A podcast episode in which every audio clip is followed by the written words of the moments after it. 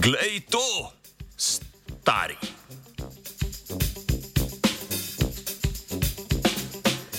Če tudi se nam osredotočanje pogleda na predmete v neposrednji vidni okolici zdi samoumevno, fokus oči uravnava kompleksen nevrološki proces. Pogosto se osredotočimo na določen predmet, preden po njem sežemo.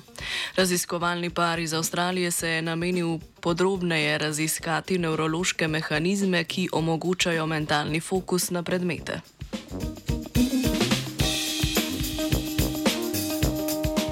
Pomislimo na primer fokusa iz vsakdanjega življenja, ko denimo sklenemo med jutranjo vožnjo prisluhniti kvalitetnemu radijskemu programu. Naš pogled se osredotoči na gumb avtoradija. Z roko na to sežemo proti gumbu in frekvenco avtoradija nastavimo na 89,3 MHz.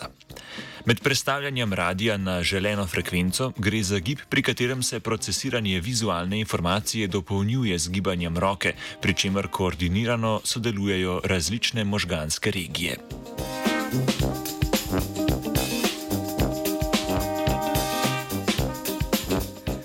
Za podrobnejše razumevanje koordinacije možganske aktivnosti je raziskovalni par zasnoval eksperiment, med katerim sta opazovala možgansko aktivnost para opic med motorično nalogo.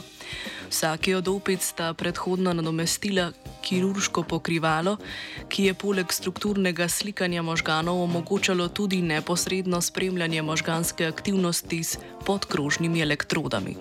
Opici sta dobili motorično nalogo, med katero sta preusmerili pozornost na predmet iz okolice in z roko segli po njem. Analiza meritev je pokazala, da med seganjem po predmetu možganska regija, ki nadzoruje gibanje roke, inhibira delovanje regije, ki nadzoruje premikanje oči. To vrstna inhibicija zavre gibanje oči, s čimer postane, ost, pogled ostane osredotočen na predmet, po katerem seže roka. To povečuje natančnost seganja po predmetu in delno omogoča interakcijo s predmetom. Opažanja nakazujejo tudi, da so inhibitorni učinki povezani z vzorci možganskega valovanja pri 15 do 25 Hz, imenovanimi beta valovi. Raziskovalni par ocenjuje, da izsledki raziskave omogočajo boljše razumevanje moten pozornosti in izvršilnega nadzora, ki usmerjajo naravno vedenje.